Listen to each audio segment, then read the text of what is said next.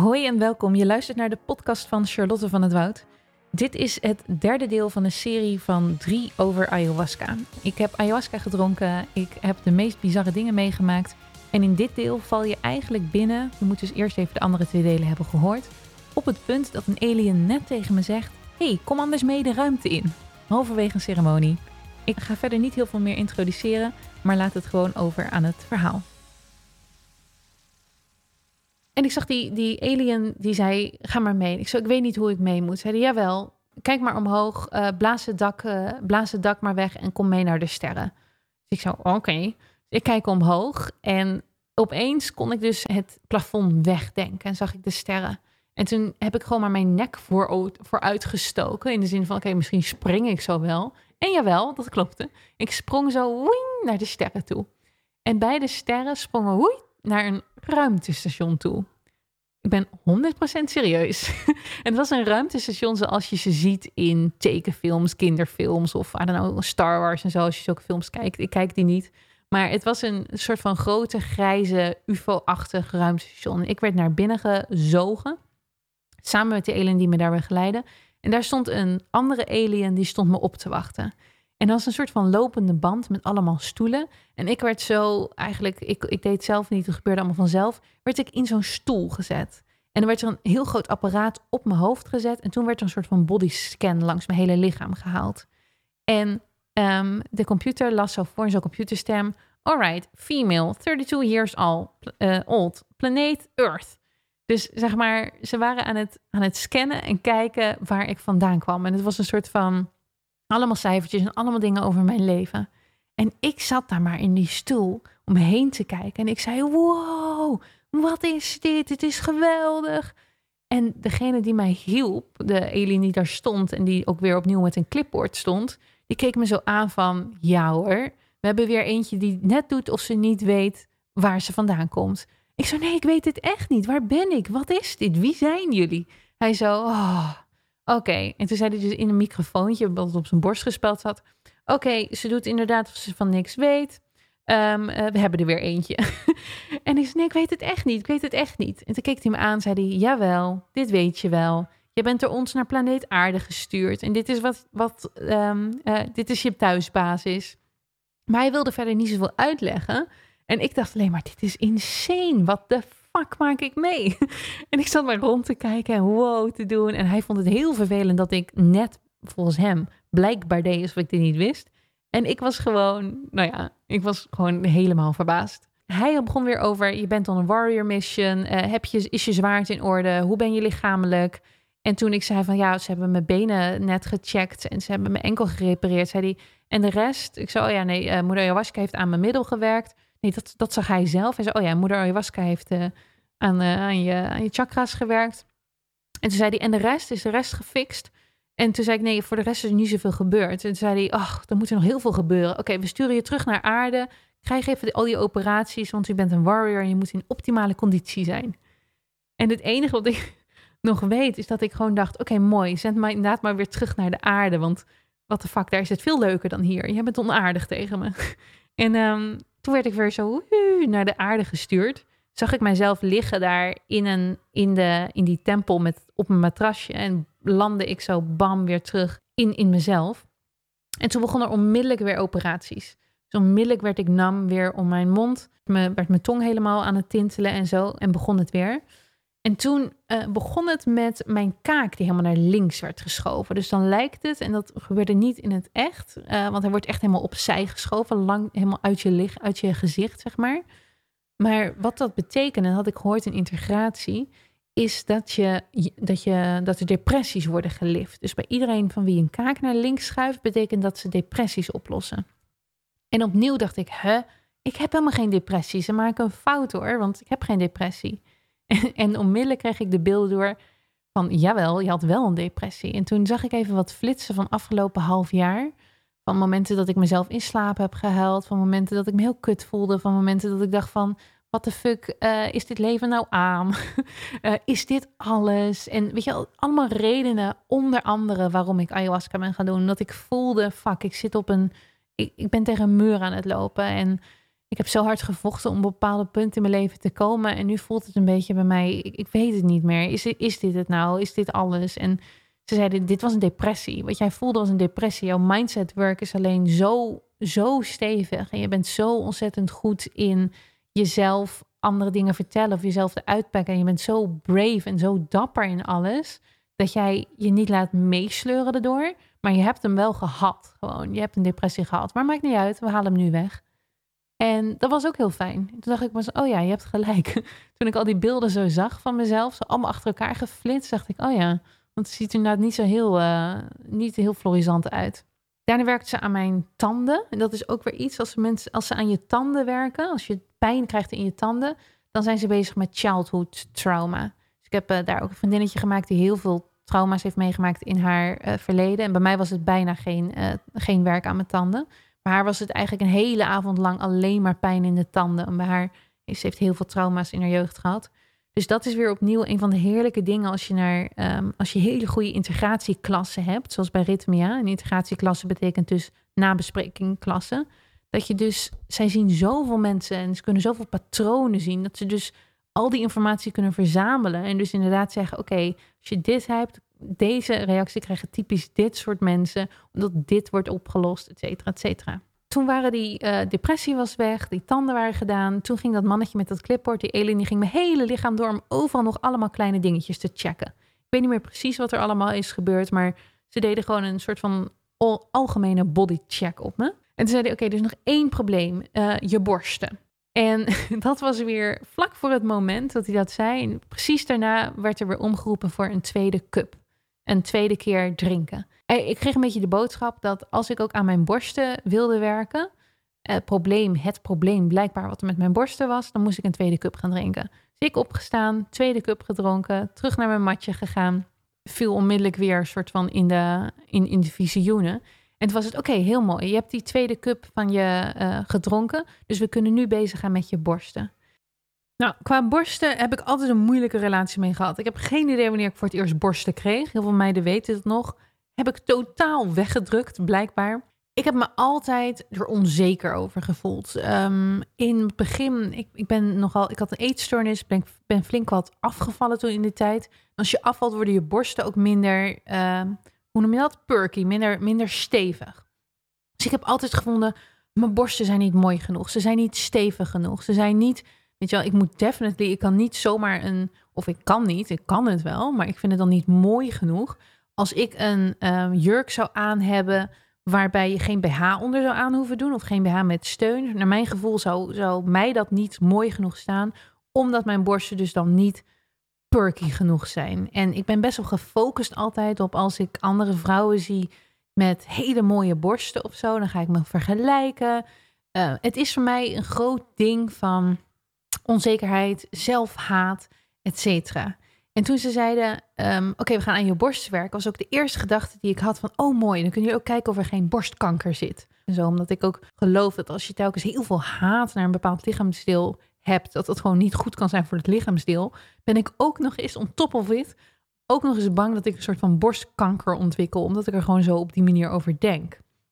Dus ik dacht, fijn, jullie checken mijn borsten uit of alles goed is. En op dat moment voor het eerst ervaarde ik waarvan de meeste mensen het altijd maar hebben als ze het over ayahuasca hebben, dat er emoties uit je lichaam gespuugd moeten worden. Dus opeens werd ik super misselijk en voelde ik heel erg, oké, er moet nu wat uit mijn lichaam. Ik moet wat loslaten. En het ging dus niet meer door gapen, wat me meestal ging met ayahuasca, maar door spugen. Dus ik op mijn emmertje, ik spugen.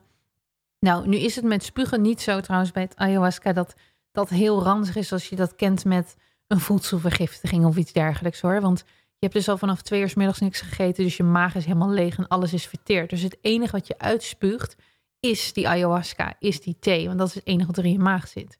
Dus na twee keer spugen is dat, uh, bij mij in ieder geval, was dat er ook uit.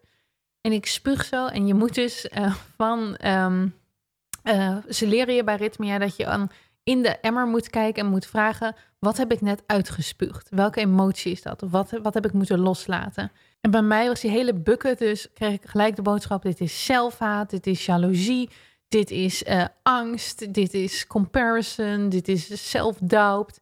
Uh, dus het was alles wat ik op mijn borsten had gestopt, hoe ik dacht over mijn borsten, spuugde ik uit. En toen ging, die, ging er een slang, uh, die ging nog eens een keer door mijn borsten kijken. Want een mannetje met het clipboard ging kijken of alles goed was. Die slang ging kijken en allebei waren zo van... alles is nu helemaal goed, alles is weer helemaal licht. Uh, je bent dat kwijtgeraakt. En dat was ook zo'n lekker gevoel. Ik had dus net de tweede cup gedronken, dus er was nog ongeveer drie uur of zo te gaan voordat we het einde was. En ik voelde me gewoon eigenlijk helemaal top. Mijn lichaam was ge geheeld, was gereinigd en het was die avond de vrouwelijke avond. Dat betekent dat een vrouwelijke shamaan de drank schonk, wat ik heel leuk vond. Het is een van de dingen die ik nog steeds lastig vind aan ayahuasca. Het hele, de hele shamaanse toestand eromheen. En ik weet dat dat dus een heel groot onderdeel is juist van het drankje. En dat het misschien ook heel oneerbiedig is dat ik het op die manier zeg. Maar voor mij die mystiek en dat het in de nacht gebeurt en dat er allemaal rituelen om me heen moeten.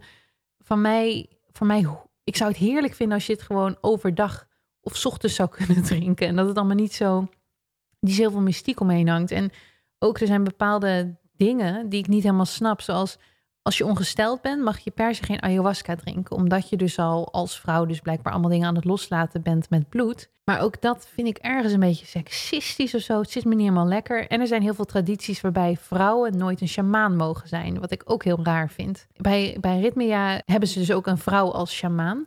Die dus, uh, want sommige tradities vinden dat wel goed, sommige niet. En Ritmia volgt dus traditie die het wel goed vindt dat een vrouw uh, schenkt. En het, is, het was echt, bijna iedereen vond die avond ook echt heel fijn en, en mooi. En ik heb eigenlijk de rest van de avond alleen maar gedanst. Dus het was zo, je krijgt door de, door de hele ceremonie heen, heb je continu muziek uh, die wordt gespeeld. Soms live, soms door een uh, CD. Er is een playlist ook op Spotify als je het leuk vindt om te horen wat voor soort muziek dat is. Die heet Rhythmia. Daar luister ik zelf nu nog steeds uh, dag en nacht naar, omdat het me terugbrengt naar die tijd en ik dat heel fijn vind. En um, die liedjes zijn super mooi en heel zacht en die begeleiden je natuurlijk heel erg in je reis. En bij mij was het zo dat ik de rest van de nacht heb ik, ja, ben ik gaan dansen. En er waren bijna geen mensen aan het dansen. Dus ik was telkens een beetje in mijn eentje. En dan danste ik tussen alle bedden door beetje zo uh, op, de, op de lege plek voor de shamaans. Een beetje buiten onder de sterren. En ik kreeg gewoon continu de boodschap van, ja, dit is hoe je een warrior kan zijn ook. Dit is ook een manier van leiden. Dat je laat zien dat het leven leuk is en licht is. En we hebben je nu helemaal goed gemaakt. En laat dat maar zien door dans. Dat je blij bent en dat je tevreden bent. En dus elke keer als ik weer een beetje moe was van het dansen, want je bent toch uren aan het dansen en je mag als je ayahuasca drinkt, mag je ook geen water drinken. En ik heb nooit echt dorst gehad, maar ik voelde wel gewoon af en toe, oh, nu moet mijn lichaam even rusten. Dan ging ik weer heel even vijf minuten liggen. En daarna kwam er een goed nummer op en dan was ik weer, was ik weer aan het dansen. Ik, weet niet, het voelde voor mij alsof dat ook een soort van act was naar iedereen anders. Die, dat, dat mensen het fijn vonden om te zien dat er gedanst werd tijdens de ceremonie. En ik hoorde ook de volgende dag terug van heel veel mensen dat ik een dat ze me net een engel vonden die de hele tijd aan het dansen was. Of dat ik een hele belangrijke rol speelde in hun helingsproces, omdat ik dan net op dat moment bij hun matras danste of iets dergelijks. Dus ik werd voor de rest van de week ook heel vaak alleen maar aangesproken als uh, hey danser en um, uh, of ik weer ging dansen die avond, omdat ik gewoon bekend stond als degene die continu aan het dansen was. De volgende ochtend na de ceremonie, ik ging helemaal blij en verzadigd naar bed. Ik voelde me dus één met mijn ziel. Ik voelde me gegrond. Uh, de volgende dag merkte ik ook hoe anders ik was met andere mensen. En dit was iets waar ik best wel emotioneel over werd, omdat ik heb mij gewoon door mijn hele leven lang heel vaak anders gevoeld met dan andere mensen. Een buitenstaander, degene die anders denkt, degene die anders is. Ik hoor het zo vaak van anderen en ik ervaar het zelf ook dat ik dat ik anders ben en ik wil helemaal niet anders zijn. Ik wil ik wil juist zo graag met mensen zijn en niet degene die anders is. Maar op een of andere manier, als ik mij focus en niet, ik ben helemaal niet hoogbegaafd of iets dergelijks bijvoorbeeld, maar op een of andere manier, als ik mij focus ergens op, dan lukt het, lukt, dan ga ik door tot het lukt. Bijvoorbeeld, dan ga ik en daardoor krijg je een ander leven. En ik heb hier al vaker over gepraat. Het feit dat ik bijvoorbeeld meer geld verdien nu dan de meeste mensen om mij heen, maakt me weer opnieuw anders. En alles waar ik mijn passie in stop, alles wat ik leuk vind, het feit dat ik bijvoorbeeld stories maken zo leuk vind, bij mij gaat het, ga ik, doe ik dat dan met zoveel passie en liefde, dat ik dus opeens de influencer status krijg. En mensen daar. Dus het is een beetje alsof tegen wil en dank alles wat ik doe zo gebeurt dat ik alsnog opeens weer anders word dan andere mensen. Terwijl ik het begin met het idee van, oh wat tof, dat wil ik ook wat zij doen of ik wil erbij horen.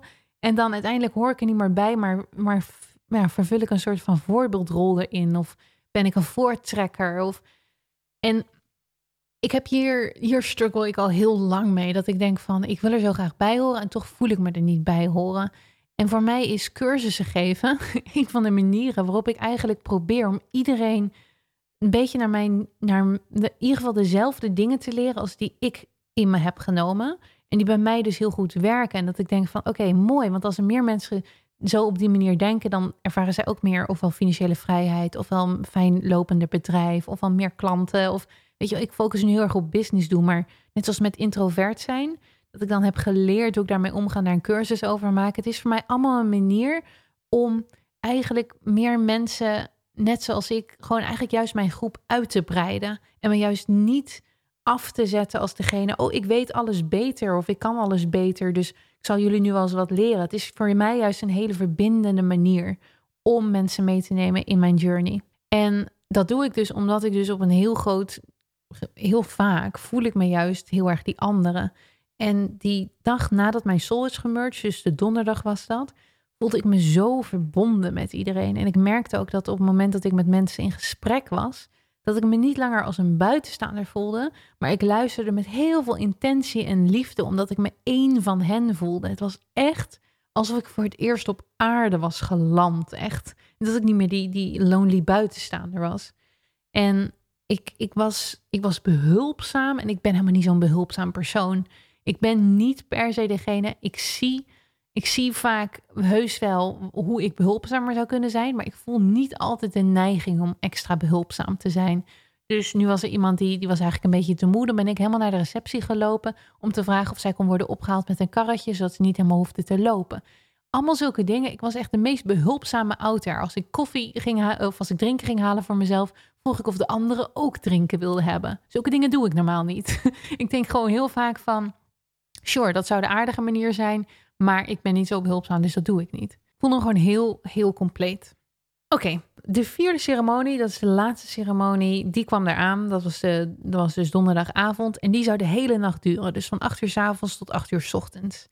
En het enige wat er bij mij nog moest gebeuren van de drie grote intenties die ze bij Ritmea aanraden, is um, Heal My Heart.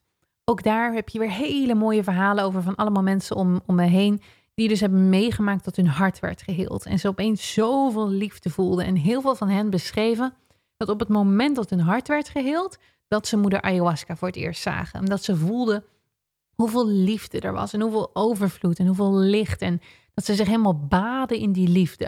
Dus ik dacht, super chill, dat gaat op mijn laatste avond gebeuren. Ik ben er klaar voor.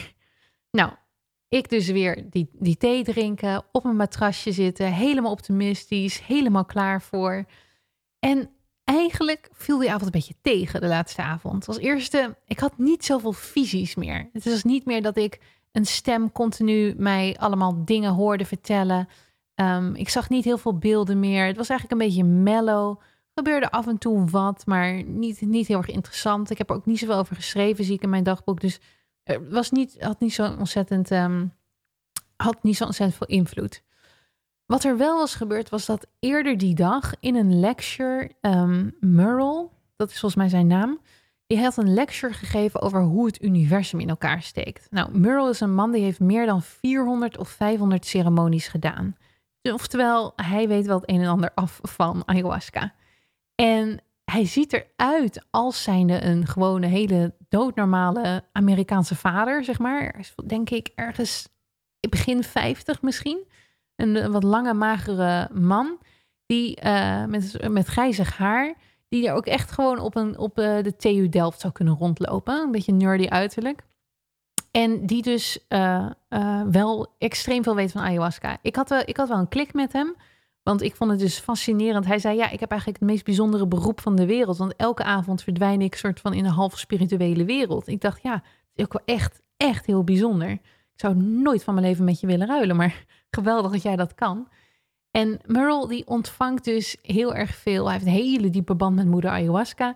En die ontvangt dus een soort van beeld van hoe het universum in elkaar steekt. Dus hij had op een heel groot whiteboard had hij helemaal uitgetekend en geschreven hoe volgens hem het universum in elkaar steekt. Nou, nu ben ik dus al een tijdje bezig met New Age en spiritueel en engelenkaarten. En ik vind het allemaal machtig interessant. Maar ik had nog nooit iemand gehad die alles van past lives tot ehm, subconsciousness allemaal zo mooi aan elkaar kon praten dat ik echt dacht van wow, dit maakt sens.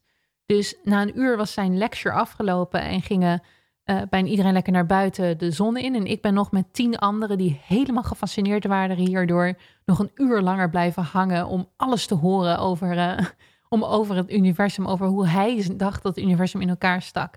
En hij zei van, ja, de eerste keer dat ik ayahuasca deed, dacht ik alsof ik in een doosje keek, een toverboxje. En dat ik dat open kon doen en ik in kon kijken en zag van, oh wauw.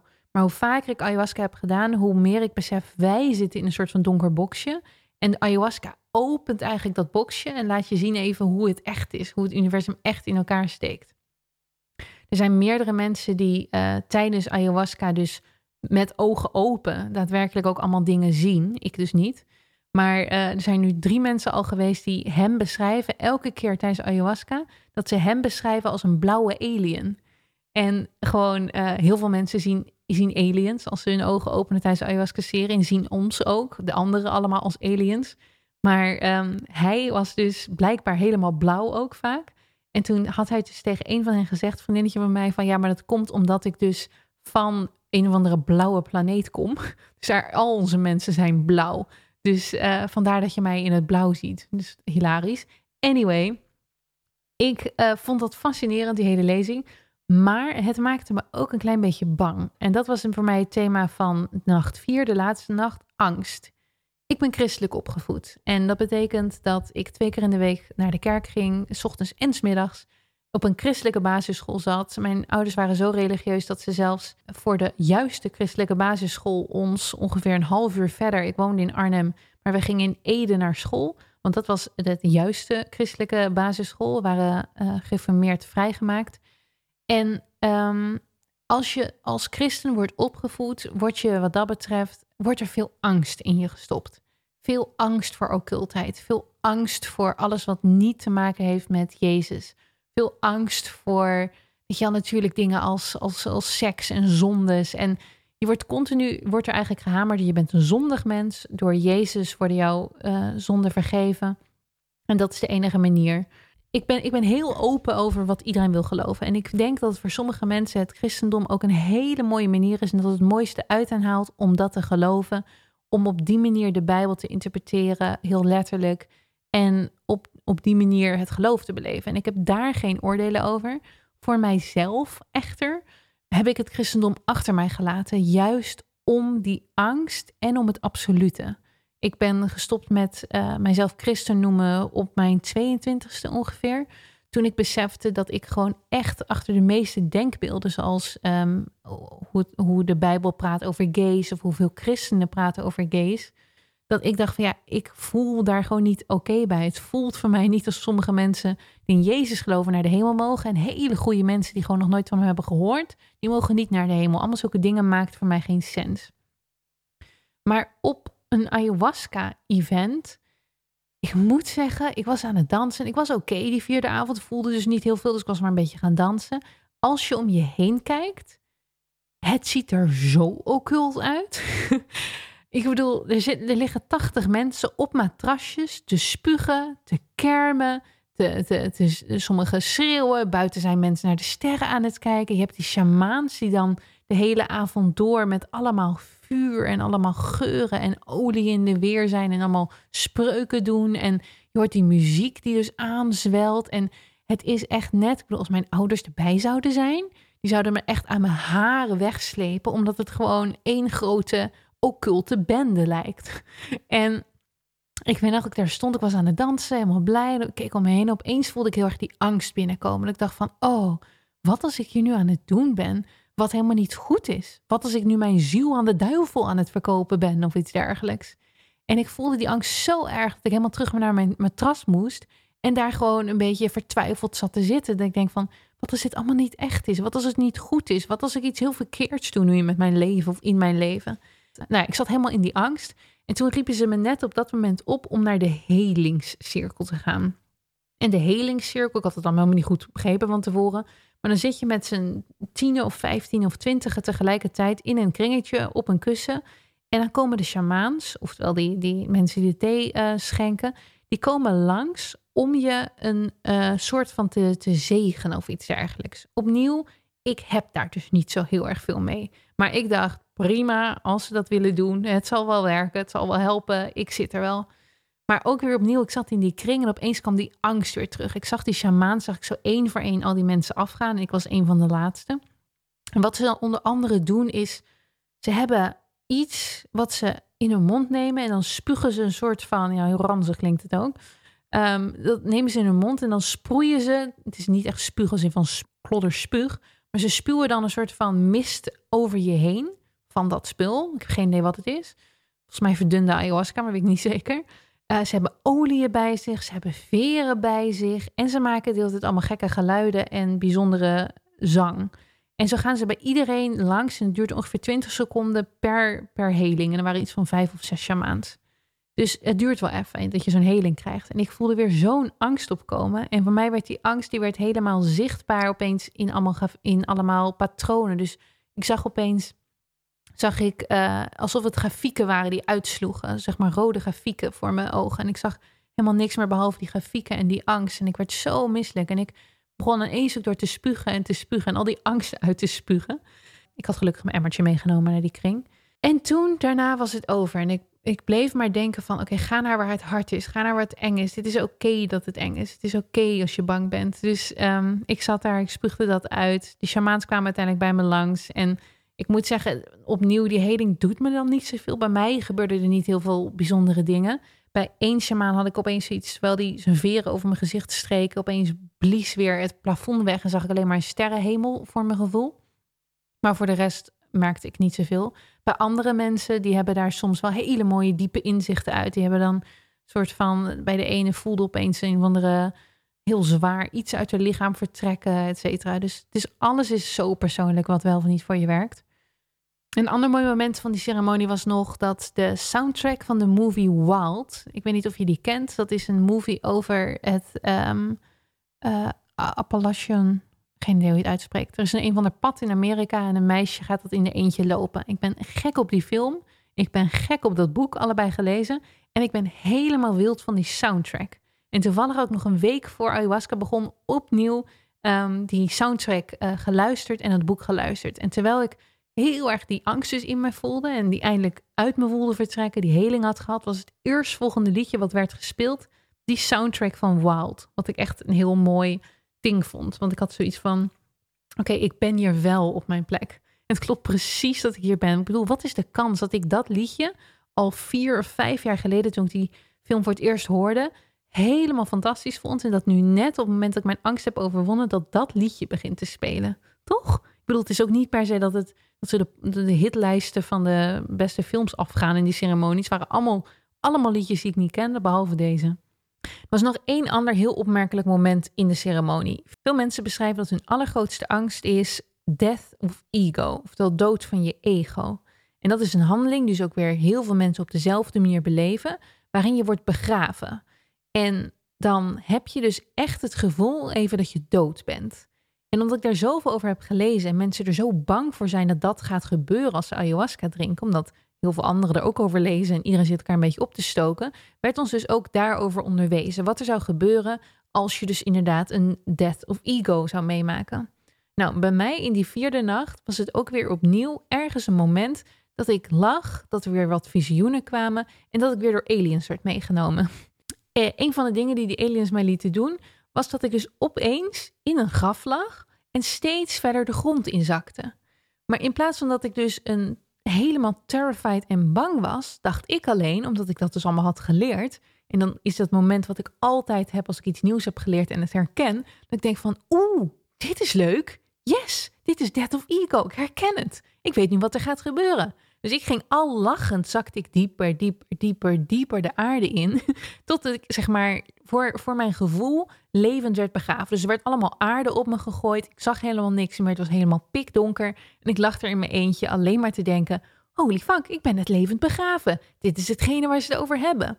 En toen hoorde ik die aliens dus zeggen van oké, nou dit heeft niet zoveel zin, want ze heeft hier dus heel veel over gelezen. We halen je er wel weer uit. En toen haalden ze me dus weer uit die, uit die grafkist, groef ze me weer op. En was ik dus klaar met het hele Death of Ego.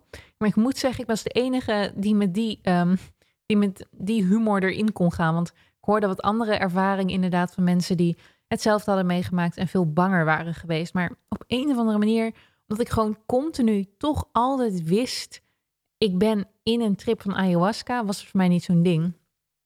Wat toen wel gebeurde, toen ik in de helingscirkel bijvoorbeeld stapte, er was een man naast mij, was een van de helpers. En ik kwam, ik kwam aan met mijn emmertje, ik ging zitten. En op dat moment fluistert hij zo tegen mij, ah, so good to see you here finally, Celine. En omdat je dus zo high bent, omdat je zo onder de ayahuasca zit en helemaal nog, weet je, ik was nog helemaal bezig met dat ik van een ruimteschip kwam en dat er andere planeten zijn en dat ik naar aarde werd gestuurd, kon ik hem alleen maar helemaal met hele grote ogen aankijken en denken: Oh my god, hij is van hetzelfde ruimtestation. Hij is er net, een, hij is er net zo eentje als ik. Hij weet dat ik hier op aarde met een missie ben. Wij zijn hetzelfde. En uiteindelijk bedoelde hij dat waarschijnlijk helemaal niet. Hij bedoelde gewoon mooi dat je terwijl je er misselijk uitziet, hier in de helingscirkel komt zitten. Maar je bent dan zo helemaal in andere sferen dat je dan zulke dingen gaat denken. Ehm, nou, en toen dacht ik dus nog van, oké, nu moet nu mijn hart worden geheeld. Dus ik ging weer liggen op mijn batasje. Ik probeerde te concentreren op die intentie. Heel mijn hart, heel mijn hart. En heel veel mensen vroegen om een geheeld hart. Vroegen ze om een helemaal nieuw hart. En ik had zoiets van, ik vond eigenlijk mijn oude hart wel prima. Dus heel maar gewoon mijn oude hart. Ik hoef geen nieuw hart te hebben, want volgens mij is mijn hart best wel oké. Maar de rest gebeurde eigenlijk vrij. Er gebeurde eigenlijk gewoon verder niet zo heel veel tijdens de ceremonie. En ik had ook ergens een beetje het gevoel, ik ben al bijna klaar. En uiteindelijk ben ik in slaap gesukkeld.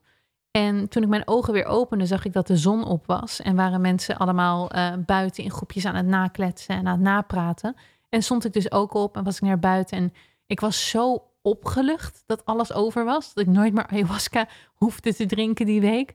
Dat weet ik nog. En wat ook wel bijzonder was, op het moment dat ik buiten kwam, um, zag ik uh, een, een, vriendinnetje van mij, Haley. En Haley had tot nu toe echt hele rot, rot ceremonies gehad. Ze had eigenlijk niks gevoeld, was niks gebeurd. Ze was er super gefrustreerd over. En de uh, allerlaatste nacht, vlak voordat we begonnen, zat ik op mijn matras. En we hadden nog niet de ayahuasca op. En ik dacht, ik moet naar Haley toe. En ik moet zeggen dat ze dankbaarheid moet voelen. Dat dankbaarheid, gratitude voor haar de key is om iets te voelen van ayahuasca. En ik heb vaker zulke ingevingen bij mensen. En, en ik doe er soms wat mee. In mijn coaching doe ik er natuurlijk wat mee. Daarom geef ik de één op één coaching, die ik nu niet meer geef, maar die ik wel gaf. Maar ik voel soms dingen en ik durf daar niet altijd op te handelen. ik zat nu ook op mijn matras denken, ja, ik ga dat niet zeggen hoor. Ik ben toch niet een, een andere heler of ziener, wat zal ze wel niet denken. En uiteindelijk voelde ik zo die drang om dat te gaan zeggen. Dat ik dacht, oké, ik ga het wel even snel zeggen. Dus terwijl vlak voordat de shamaan begon en we allemaal op ons matrasje moesten zitten, vloog ik nog snel de ruimte door om haar te zoeken. Zag haar en ik fluisterde dus heel snel, oké okay, Haley, de key is dankbaarheid. Dat moet je voelen, dankbaarheid. Dus zij keek zo helemaal verdwaasd terug en, ik, en toen vloog ik weer naar mijn eigen bed. Dacht ik, oké, ik heb het gezegd, laat maar. En uh, Um, toen ik buiten kwam na, na die hele nacht, zat Haley daar helemaal tranen in mijn ogen, in haar ogen. En zo van, wow Charlotte, je hebt echt mijn avond gemaakt. Dat, omdat ik dankbaarheid ging voelen, omdat jij dat hebt gezegd. Is er mij zoveel gebeurd. Is dat de meest geweldige avond ever gehad. En dat gaf mij toen ook wel kippenvel. Ik dacht van, oké, die dingen die jouw intuïtie zegt, Charlotte, daar moet je gewoon fucking beter naar luisteren.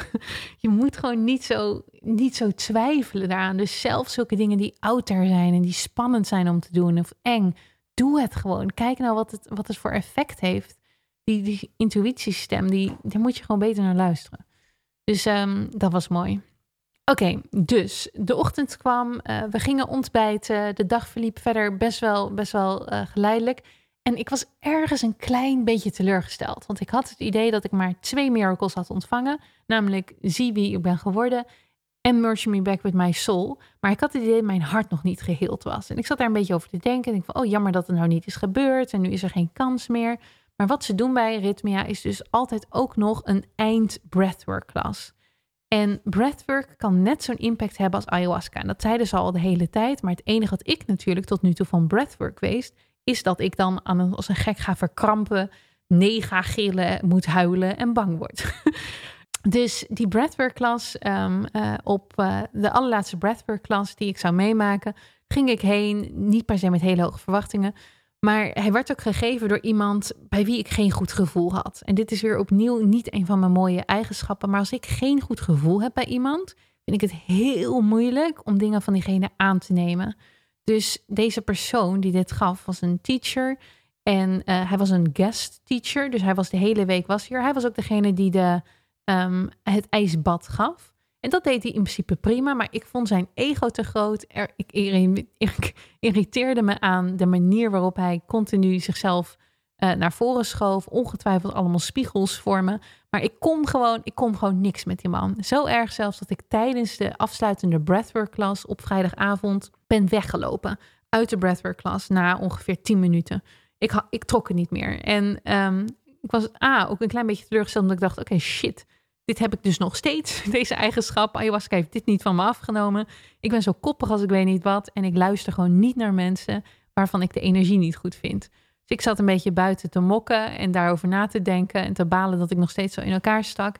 En um, uh, de volgende dag zou ik moeten vertrekken. Dus ik dacht gewoon van, nou ja, ik vertrek dus blijkbaar zonder een, zonder een geheeld hart, maar alsnog helemaal mooie dingen meegemaakt. Ik ben helemaal tevreden en blij. De volgende dag, zaterdag, was ik mijn koffer aan het inpakken en kwam ik er toen achter dat ik een fout had gemaakt bij het boeken van mijn hotel. Ik had namelijk gedacht, op een of andere manier, dat ik op zondagavond in dat hotel voor het eerst zou slapen, maar het moest dan zaterdagavond zijn. Wat betekende dat ik nu opeens die avond geen hotel ergens had. Dus ik dacht, nou, ik vind het hier zo heerlijk bij Ritmea en het hotel is leuk en er zijn nog heel veel mensen. Ik blijf nog gewoon uh, zo lang mogelijk vandaag. Ik zoek een hotel vlak buiten de poorten van Ritmea. Die zijn er daar genoeg. Dan ga ik daar slapen vanavond. Dan kan ik nog lekker vandaag een beetje aan het zwembad blijven hangen. En zoals je misschien weet van helemaal mijn eerste aflevering, de helft van de mensen die gaat op zaterdag weg. De andere helft gaat pas op zondag weg, omdat er dus een nieuwe groep binnenkomt. En omdat ik op een zaterdag was binnengekomen, was ik ook degene die op een zaterdag weg moest. Nou, ik was een beetje een, een soort van lijstje aan het opmaken met mijn actiepunten, met de dingen die ik moest doen. Ik heb een hele lijst met alle actiepunten die ik volgens uh, moeder ayahuasca moest doen waar ik aan moet gaan voldoen. Waar onder andere dus naar Arizona gaan op staat. Waar onder andere op stond dat ik voor 14.000 euro die stamcellen moest laten inspuiten. En nog meer van allemaal zulke klusjes. Dus ik besloot dus een hotel te huren om wat langer te kunnen blijven. Nou, en daar begint de magie. Want omdat ik dus wat langer kon blijven, zou ik zelfs nog een keer kunnen meedoen aan een breathwork class. Die zou eigenlijk niet meer, die was eigenlijk niet meer voor mij van toepassing. Want ik zou dus al moeten uh, zijn verdwenen op zaterdagmiddag. Maar omdat ik dus nu een mix-up had gemaakt, kon ik zelfs tot zaterdagavond blijven. En ik liep over het terrein te pijnzen of ik echt nog die breathwork klas moest gaan doen. Toen ik de teacher tegenkwam die mij de allereerste breathwork classes gaf. En ik zei tegen haar, hey, zou, zou het oké zijn als ik vanavond nog een keer meedoe? Ze zei, ja, superleuk, kom erbij. En eigenlijk door haar welkome houding, dat ik haar net tegenkwam, besloot ik, nou dan blijf ik nog, doe ik die ook mee.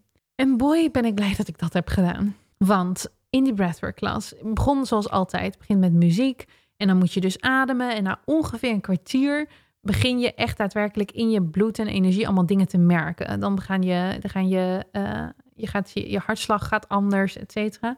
En bij mij, zoals ik al eerder, als je deel 1 hebt geluisterd, is het dus altijd, dan begint bij mij het, het verkrampen en het gillen en weet ik veel wat.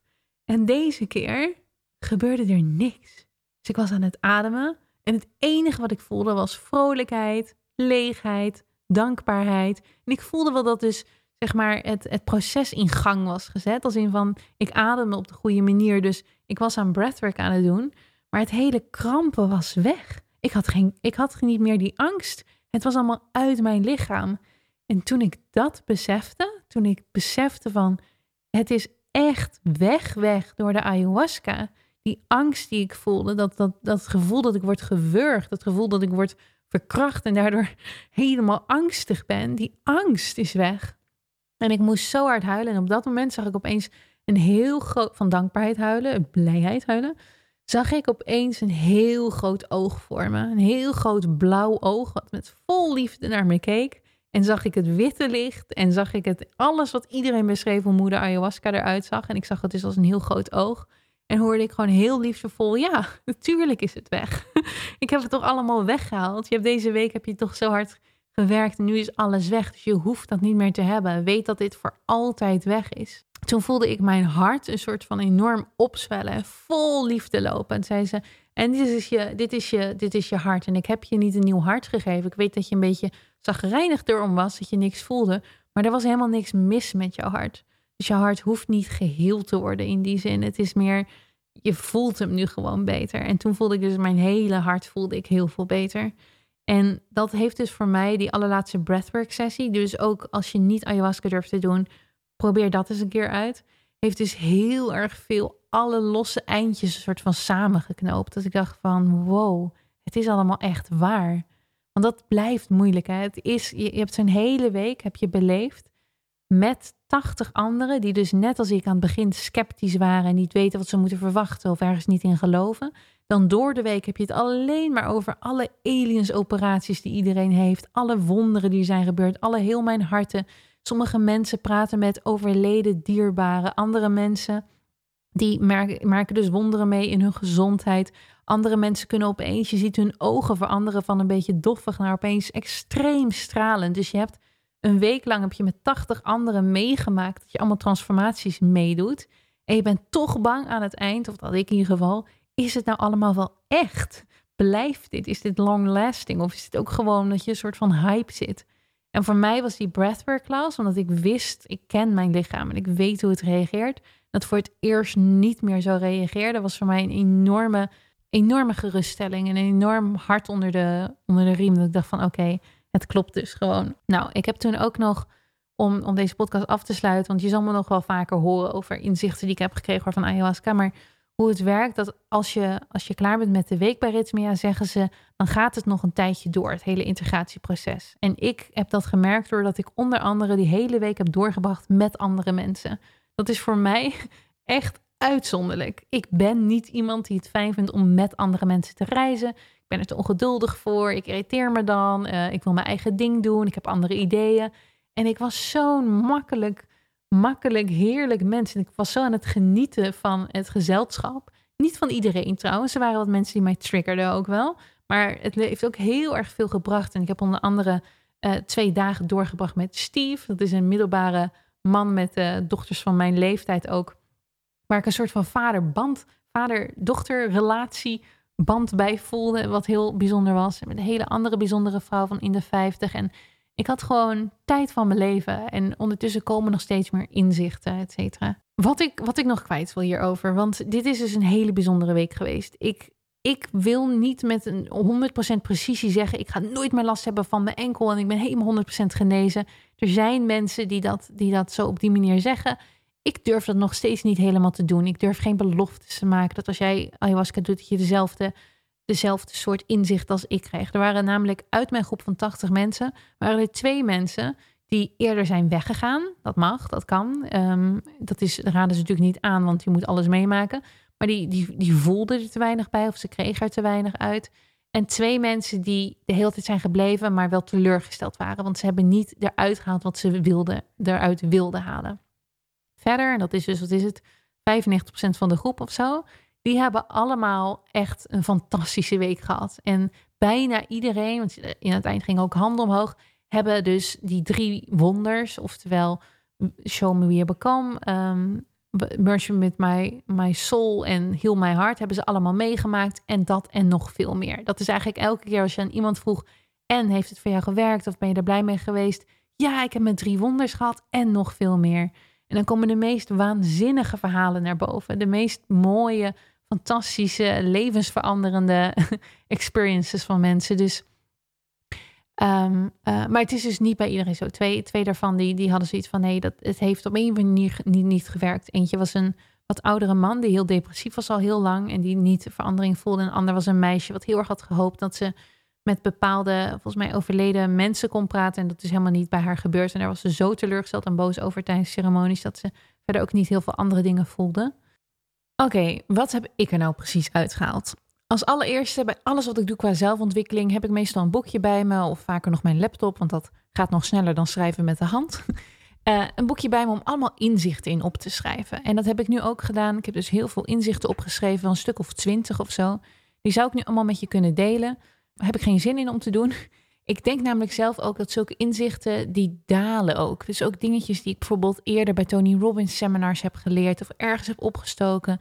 Het komt, zeg maar, dat, dat moet ook een soort van landen en het gaat ook een beetje bewegen nog en het gaat nog een beetje veranderen wat je er precies uit hebt geleerd. En ik geloof zelf dat die integratiefase, dus de fase na ayahuasca en alle acties die je doet, dat die ook heel veel verandering brengen.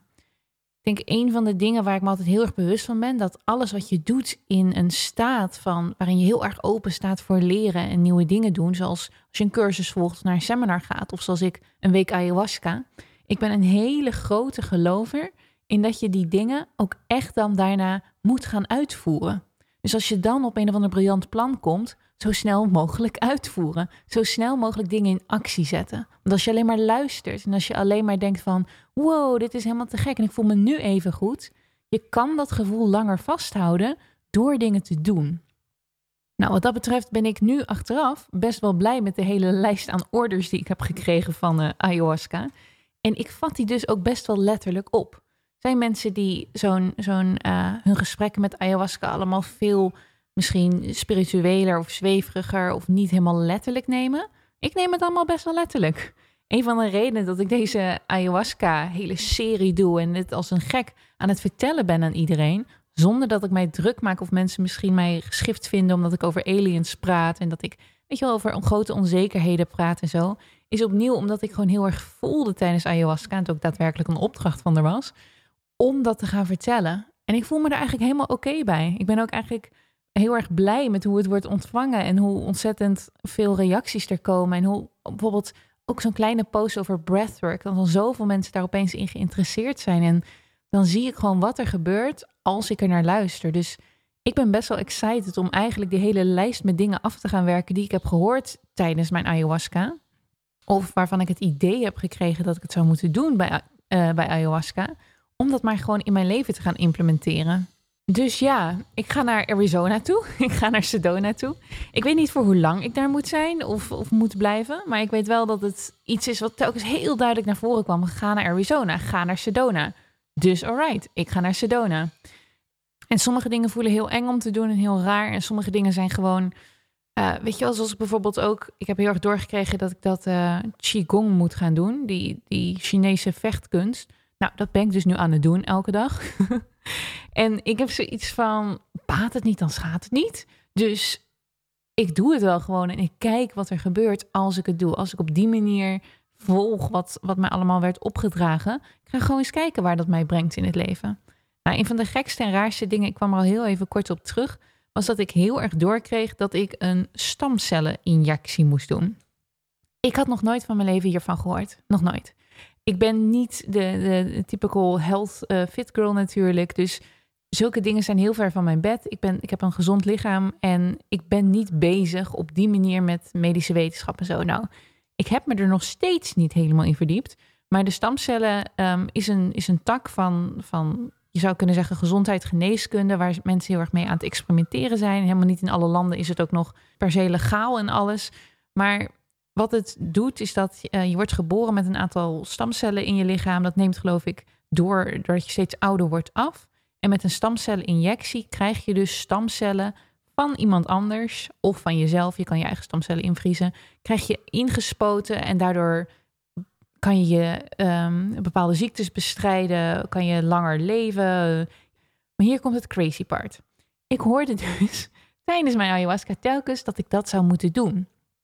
En ik heb dat dus gedaan. Ik heb dat dus daadwerkelijk, ik heb zo'n zo'n injectieding gehaald. En dat was iets van 14.000 euro of 13.000 euro. Het was bizar veel geld. En het was iets wat ik nooit van mijn leven zou doen. En ik moet dit part altijd een beetje meer uitleggen. Want mijn vrienden en familie, toen die hoorden dat ik dat ook nog eens had gedaan. Ik was al sowieso naar ayahuasca gegaan en dan ook nog eens zoiets met zoiets teruggekomen. Die waren altijd helemaal A, in paniek. Want wat is dat voor enge secte waar je heen bent geweest? En B, ze vinden het gewoon allemaal belachelijk. ik snap dat. Wat ik, wat ik hoorde of doorkreeg, was dat ik dat dus zou moeten doen. En ik ben het type wat voordat ze iets doet, altijd heel veel research doet. Heb ik hier niet naar gedaan. Maar toen zeiden ze, vraag maar gewoon aan Rick. En Rick is een, uh, een van de mensen met wie ik uh, hele goede klik had. Hij is een hele grote, gespierde baseballcoach. Of ik weet niet eigenlijk wat baseball is. NFL of zo. Ja, ik weet helemaal niks van sport natuurlijk ook. Maar iets belangrijks en groots in Amerika. En hij begeleidt uh, sporters, topatleten, die echt op het allerhoogste niveau daarvan spelen, over onder andere hun gezondheid. En Rick die was helemaal enthousiast ook over dit hele stamcellen ding. En die um, was al van plannen te gaan doen. Die had het ook volgens mij vroeger al eens een keer gedaan. Er waren meer mensen in mijn groep die het wel eens hadden gedaan. Opnieuw de cliëntele is dus misschien dat ze wat eerder zulke dingen doen. En um, die gingen doen, was enthousiast. Ik moest gewoon aan Rick vragen. En Rick zei tegen me, joh, dit is helemaal fantastisch. En dit is helemaal, hij had het helemaal goed uitgezocht. En op een of andere manier dacht ik, nou, weet je wat? Dan vertrouw ik het wel, dan doe ik het ook wel gewoon. En voor mij om 14.000 euro in mijn gezondheid te steken, dat is, dat is iets wat ik nog nooit echt heb gedaan. Ik geef met gemak 14.000, 20.000 euro uit aan persoonlijke ontwikkeling, aan mijn mindset, aan mijn business, aan alles wat te maken heeft met denken, hoofd, uh, mindset. Maar aan mijn lichaam geld uitgeven, dat is gewoon niet iets wat ik tot nu toe in mijn leven ooit met heel veel liefde of plezier heb gedaan. Ik vind uh, nagels laten doen ergens in een salon voor 30 euro. Denk ik al van wat de fuck, wat een onzin. Ik had gewoon zelf desnoods als je per se roze nagels wil met een, met een kwastje aan de slag. En kost het een euro. Dus op een of andere manier de abundance mindset die ik heb in bijna alle uh, gebieden van mijn leven, heb ik totaal tot nu toe nog nooit gehad op mijn eigen lichaam. En een van de dingen die voor mij afgelopen uh, week bij Ritmia heel erg als thema naar voren kwam, was dus telkens dat goed zorgen voor je lichaam. Want je bent een strijder en je lichaam die, die bereidt, zeg maar, dat heb je nodig om daadwerkelijk te kunnen strijden. En ergens dacht ik, weet je wat, als ik dus nu, net zoals ik op andere vlakken in mijn leven, soms hele grote sommen geld ergens in investeer, omdat ik weet dat ik het dan serieuzer neem, omdat ik weet dat ik het dan eruit haal wat ik eruit wil halen als ik dat nu ook eens doe met mijn lichaam. Als ik nu ook eens 14.000 euro investeer in iets in mijn lichaam. In iets wat trouwens, by the way, net zo goed keihard fraude kan zijn. Volgens mijn broer. Of uh, allemaal gewoon, weet je wel, ik kan niet controleren. Ik heb geen idee. Ze zeggen dat ze 20 miljoen stamcellen in me hebben gespoten. Maar ik heb werkelijk geen idee. Maar als ik dat doe, wellicht dat ik dan mijn lichaam ook serieuzer neem. Of niet eens wellicht. Ik neem dan mijn lichaam serieuzer. Ik neem dan mijn gezondheid serieuzer. Dus ik ben het gaan zien als ayahuasca heeft me eigenlijk geleid naar dat hele stamcellen ding omdat ik op die manier altijd al functioneer, maar nog nooit op mijn lichaam. Ik heb nog nooit zo'n som geld geïnvesteerd in mijn gezondheid. En eigenlijk voelt het wel goed. Het voelde allemaal heel erg natuurlijk en prima. En natuurlijk, ik heb het geld ook er in principe voor, voor liggen. Ik zou, ik zou het allemaal veel lastiger vinden als ik hiervoor echt uh, in het rood moest staan of zo. Maar ik kan het betalen. Het is bij mij gewoon nog nooit een, een ding geweest dat ik dacht, nou, dan ga ik aan mijn eigen lichaam uitgeven. En deze keer heb ik dat gedaan. En ik heb veel mensen gesproken die het hebben gedaan ook. Dus er waren daar een aantal mensen die al, die al eerder uh, ayahuasca hadden gedaan, ook bij Ritmia voor een tweede keer terugkwamen. En bijvoorbeeld de eerste keer dat ook hadden gedaan. Die waren allemaal echt lyrisch enthousiast erover. Ik moet zeggen, ik, ik heb dus nu twee weken, nou een week, nee, twee weken in me. Ja, ik merk niet zoveel verschil. Ik heb heel veel energie en ik voel me heel licht en blij en vrolijk. Maar dat komt volgens mij omdat ik ayahuasca heb gedaan. En ik weet dat niet per se aan die stamcellen die nu in me zitten. Maar ik ben wel blij dat ik het heb gedaan. Ik vond het een coole, stoere stap om te zeggen: Oké, ik ga nu meer naar mijn intuïtie luisteren. Ook al zijn het dingen die out of mijn comfortzone zijn. Of dingen waarvan ik zou denken: Nou, dat, dat dat is niet iets wat ik normaal zou doen. Ik voelde wel dat mijn intuïtie me daar dus heen wilde hebben. Dus ik heb het maar gewoon gedaan. Het is bij mij een soort van act van overgave. Ik ga er nu ook echt voor, en dat wil ik in de rest van mijn leven blijven doen, om echt mijn intuïtie te volgen. En die zei dus, ga die, ga die stamcellen doen. Dus ja. En je krijgt daar ook allemaal voedingssupplementen en zo bij. Dus ik ben nu heel braaf. Het is nog nooit van mijn leven gelukt om voedingssupplementen te, te blijven slikken. Ik koop nog zo'n potje vitamine D of zo, omdat ze dan zeggen, oh, je hebt te weinig zonlicht. Koop ik dat, eet ik daar drie keer van en dan vergeet ik het. En dan heb ik uiteindelijk drie maanden later denk ik, oh ja, wacht, die pillen die zou ik elke dag nemen. Ja, ik ben niet het type wat daar normaal op let. En tot nu toe heb ik twee weken lang elke dag braaf die voedingssupplementen zitten innemen. Omdat ik ook een beetje zoiets heb van, ja, Charlotte, je hebt er 14.000 euro voor betaald, so you better take them. Wat ik verder heel erg van mijn ayahuasca week heb meegenomen als een overal gevoel, is dat ik inderdaad een soort van bevestiging heb gekregen. Ik ben altijd al spiritueel geweest. Ik heb altijd dus al geloofd in heel veel dingen waar sommige mensen van zeggen: dit is te zweverig of dat zou ik nou nooit geloven. Law of attraction is voor mij natuurlijk altijd al iets geweest waar ik heel erg in geloof. Manifesteren. Het zijn allemaal termen die ik misschien niet op dagelijkse basis in mijn stories en cursussen uh, gooi, maar die, die wel daadwerkelijk er heel erg in zitten. En deze keer, door deze, door deze ayahuasca experience, ben ik daadwerkelijk, heb ik het gevoel alsof ik een soort van bewijs heb gekregen dat alles wat ik al dacht, alles wat ik al voelde, echt klopt. Geloof ik nu in aliens? Nou, nou, ik geloof alsnog niet in het als groene wezentjes uh, of als uh, minions die, die door, de, door, de, door de aarde zweven ik ben wel meer gaan geloven in het hele idee dat de aarde maar één van de planeten is. En dat er meer planeten zijn waar leven op is. En dit heb ik zo vaak andere mensen horen zeggen. En ik dacht altijd, ja hoor. En nu heb ik zoiets van, ja, het is eigenlijk heel erg logisch dat dat zo is. Dat de aarde maar één van de planeten is. En dat er andere levensvormen zijn en andere energieën. En dat het dus niet allemaal um, per se in een... Dat, ik geloof niet per se dat er ergens anders nog een planeet is waar ze net zoals op aarde leven. Um, kan ook hoor, prima. Maar ehm, ik bedoel meer, er zijn zo ontzettend veel dimensies, zoveel spirituele dimensies. Dus we hebben, we hebben wat wij als mensen kunnen zien, tastbaar hebben, ruiken, uh, ervaren. En dan zijn er nog zoveel andere dimensies, de onder, de boven, andere levens, toekomst, verleden. Dat geloof ik veel meer. Dat, het lijkt alsof ik daar uh, ja, een inzicht in heb gekregen. Ik voel me beter, ik voel me lichter, ik voel me vrijer, ik voel me zoveel dankbaarder. En dat is denk ik het andere grote, grote gevoel wat ik heb meegenomen, los dus van een hele lijst met inzichten en, en acties en to-do's. Het voelt veel meer alsof ik hier op aarde hoor. Alsof ik hier niet toevallig ben, alsof het niet zinloos is. Nee, het hoort dat ik hier ben. Het hoort dat ik de strugglingen meemaak die ik meemaak. Er zijn zoveel kleine dingetjes ook gebeurd in die week. Bijvoorbeeld het feit dat ik natuurlijk al die jaren, al die jaren, een half jaar met een kettingje loop, wat dan het logo van Ritmia is. Dat liedje wat dan begint te spelen, net nadat ik een hele moeilijke um, hobbel ben overgegaan tijdens ayahuasca. Het zijn al die kleine speldenprikjes van bijzonderheid dat ik nog beter snap. Alles wat er gebeurt, wordt geleid en hoort zo. En dat heeft mij ook een enorme rust gegeven eigenlijk met het oké vinden dat andere mensen misschien andere paden, andere moeilijkheden meemaken dan ik. En dat ik die niet op mij hoef te laden. Want zij moeten die struggling door zelf. Dit ga ik even wat beter uitleggen, want het klinkt misschien wat egoïstisch. Maar hoe ik bijvoorbeeld met die enkel ben gaan, gaan struggelen, omdat mijn ex-vriend zo'n enkel had.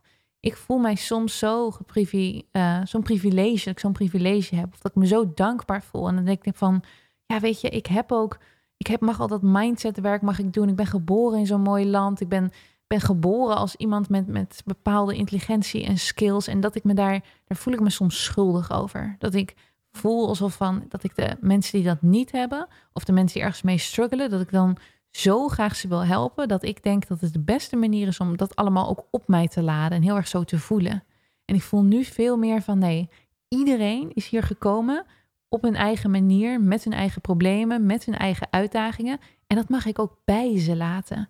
Tuurlijk, als ik ze kan helpen op een manier als zij naar mij toe komen en ze willen graag die hulp of ze halen ergens inspiratie uit, dat is te gek en dat moet ik vooral blijven doen. Maar ik hoef niet rond te lopen met het idee van Charlotte, je bent zo ontzettend gezegend in je leven, dus dan moet je maar ehm, daar de hele tijd over eigenlijk je schuldig voelen en de zorg van andere mensen op je laden. Dat hoeft niet. Ik mag veel meer genieten van dat ik hier op aarde ben. Genieten van het, van het aardsheid, zeg maar. Ik, ik wil ook gewoon echt heel graag op aarde zijn. En ik wil ook gewoon heel graag allemaal dingen meemaken nog. En of het nou nare dingen zijn of dat het mooie dingen zijn. Ik denk dat ik nog meer rust heb gekregen over het feit dat dit dus blijkbaar is hoe mijn leven loopt. En ik kan er van alles aan doen en ik kan heel veel sturen. Het is niet zo dat ik nu als een soort van passief poppetje ga zitten en denk, nou, Alle problemen die op mijn pad komen, die moet ik dus meemaken. Dus um, ja, dat ga ik maar ondergaan. Nee, ik geloof dus dat je intuïtie, ik zei het ergens in een Engelse post. Ik geloof nu dat mijn intuïtie een soort van spelregelboek is. En ik kan dus als ik mijn, mijn intuïtie volg, dan krijg ik een dan krijg ik precies alle ervaringen op mijn pad die op mijn pad moeten komen.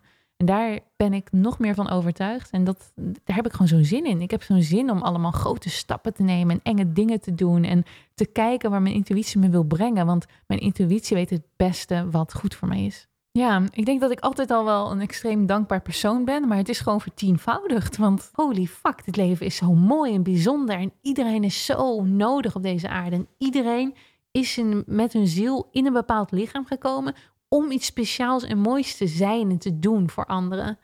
En het is, ja, voor mij is dus de dankbaarheid zo overweldigend groter nog geworden. Dus um, er zijn mensen die na ayahuasca ook voelen van, oh, ik wil heel vaak in die spirit world zitten en zo. En ik voel dat helemaal niet. Ik ben juist, ik weet nog dat, volgens mij was het in mijn vierde ceremonie, dat ik zoiets had van, oké, ja, prima dat ik zo'n warrior ben. Oh ja, dat was, dat was op een gegeven moment. Ik ben natuurlijk dus telkens word ik als die warrior um, Salome uh, genoemd. En dan was zo van: oké, Salome, je moet even nu dit kwaad bestrijden. Kom even terug. Kom even terug van aarde en even naar deze planeet. En bestrijd even dit, dit, dit kwaad. Het was een beetje zo van: ja, normaal kunnen we je niet bereiken, omdat je gewoon zeg maar niet aan de ayahuasca bent. Maar nu je aan de ayahuasca bent en je weer even onder ons bent, kan je dan heel even komen helpen. We hebben je nodig. Dus ik ging dus in mijn blauwe jurk met dat zwaard naar die andere planeet. Er was een of andere zwarte energie of iets dergelijks. Ik doodde dat even heel snel. En toen zeiden ze, oh wil je ook nog dit of dat doen? En toen zei ik dus heel ongeduldig terug, luister, ik ben naar aarde gestuurd. Ik vind aarde leuk. En ik ga nu weer terug naar de aarde. Als er echt weer iets heel groots is, mag je me even terugroepen. Maar verder ben ik gewoon op aarde, om op aarde te zijn. Ik wil daar zijn, niet hier. En toen vloog ik dus weer terug naar, naar de aarde. En dat is wat ik heel erg voel nu ook. Ik ben gewoon fucking blij dat ik op aarde ben. Gewoon om, om het eten wat we hier hebben, om de vruchten die overal groeien. Ik, ik ga zo meteen weer lekker van boze halen. Ik ben gewoon zo blij om het spel van ondernemerschap, wat ik nog steeds heel leuk vind. Om de mogelijkheid om te leren elke dag, om boeken te lezen, om het te onderwijzen, om mensen te ontmoeten, om vriendschappen te sluiten, om, om geluk te voelen. Het is gewoon, het leven is gewoon fucking fantastisch. En juist doordat ik een soort van inkijkje heb gekeken in, in de hele spirituele wereld en dat hele universum, heb ik zo'n extra drang om extra aanwezig te zijn op aarde. En ik heb bijvoorbeeld ook niet, het voelen dus heel veel mensen uh, met ayahuasca, dat ze zoiets hebben van, oh, nu wil ik heel veel met ayahuasca gaan doen. Heel vaak in die spirituele wereld mij begeven. Nou, dat heb ik helemaal niet. ik wil helemaal niet heel vaak ayahuasca doen. Ik zal het echt nog wel vaker gaan doen, want het was, holy fuck, zo bijzonder. Maar het is niet zo dat het mij tof lijkt om daar elke avond met allemaal geesten te communiceren of iets dergelijks. Ik wil gewoon hier op aarde zijn. Ik heb ook nul, nul behoefte om um, bijvoorbeeld drugs te gaan proberen nu, omdat ik dit nu heb meegemaakt en ik er niet meer zo bang voor ben. Maar ik heb helemaal geen zin om, om zeg maar in een, hoe noem je dat? Een, um, ik heb helemaal geen zin om in een verdoofde staat aanwezig te zijn. Alcohol trekt me nog minder aan dan daar me daarvoor uh, al niet aantrok. Überhaupt verdovende middelen op elke vorm manier trekt me minder aan. Geen enkele addiction zou ik ooit willen hebben om mij uit het leven te halen. Want dit leven is zo fucking fantastisch. Oké, dit was uh, mijn hele reis met ayahuasca. Wat ik al zei, als je nou denkt, dit vind ik fantastisch, geweldig, ik wil dit ook als je naar de site van Rhythmia gaat, uh, ze hebben daar een nummer met wie ik heb gebeld, zo heb ik gereserveerd. En uh, dan kan je dus vragen welke week nog beschikbaar is. Je checken je in op een zaterdag of op een zondag. Noem mijn naam, Celine Woods. En uh, ik maak dus een Facebookgroepje voor iedereen die besluit van yes, dit gaan we ook doen. En we gaan naar Rhythmia toe. En ik heb jouw naam genoemd. Dus dat je dan uh, mij nog echt allemaal hele specifieke vragen kunt stellen. Zoals van, wat moet ik mee in mijn koffer? Welk hotel zal ik heen gaan? Daarvoor en daarna? Hoeveel dagen moet ik gaan? Welke vlucht heb jij genomen? Hoe werkt het met de shuttlebus, et cetera? Want daar had ik zelf uh, allemaal geen idee van. Heb ik nu natuurlijk wat meer inzicht over. En dat kan handig zijn. En het kan leuk zijn om met wat andere mensen te connecten. Ik denk dat, uh, ik weet niet wat de prijzen zijn. Ritmea die heeft de prijzen ook weer omhoog gegooid al nadat ik ben geweest. Of nadat ik heb geboekt. Maar volgens mij is de goedkoopste optie ongeveer rond de 3000 euro en dan heb je een gedeelde kamer met slaapkamer. Ik had een single kamer, maar de volgende keer zou ik voor een gedeelde kamer gaan. Want zoveel ben je eigenlijk niet in je kamer. Want je hebt natuurlijk continu die, uh, die lessen, die klasses. En je hebt heel veel uh, plekken op het veld waar je gewoon lekker in je eentje kan zitten en zijn.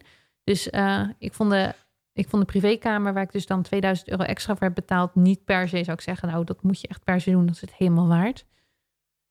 Um, wil je meer weten? Kijk op mijn Celine Charlotte Instagram of kijk bij Celine Woods. Daar heb ik het meeste gedeeld over ayahuasca. Dat is mijn Engelse Instagram-account. En heb je nu na het luisteren van deze podcast nog steeds vragen over en heb je ook alle filmpjes gekeken op Celine Woods? Ik houd ook nog eens een Q&A, die houd ik in het Engels. En als je dus nog een vraag hebt, zet hem even bij Celine Woods onder de foto met dat ik aankondig dat er een Q&A over ayahuasca komt. En dan ga ik daar nog de vragen van pakken. Doe ik denk ik ergens volgende week of zo. En er een eh, QA-video van maken om nog overgebleven vragen te beantwoorden. Ik ga mezelf ook aanleren om elke keer aan het eind van de podcast te vragen of je de podcast zou willen beoordelen. Een sterretje geven in, um, in de app. Dat is heel makkelijk naar beneden te scrollen in je podcast-app en een beoordeling achter te laten. Of door een shout-out te geven op Instagram. Ik ben daar super blij mee elke keer als dat gebeurt. Dus dank je wel. Ik ben ook extreem dankbaar voor alle lieve reacties tot nu toe. En het feit dat je helemaal tot deze allerlaatste snik van de serie hebt geluisterd. Dank je wel. Dank je wel dat je er was. Dank je wel voor uh, je steun. En tot een volgende keer.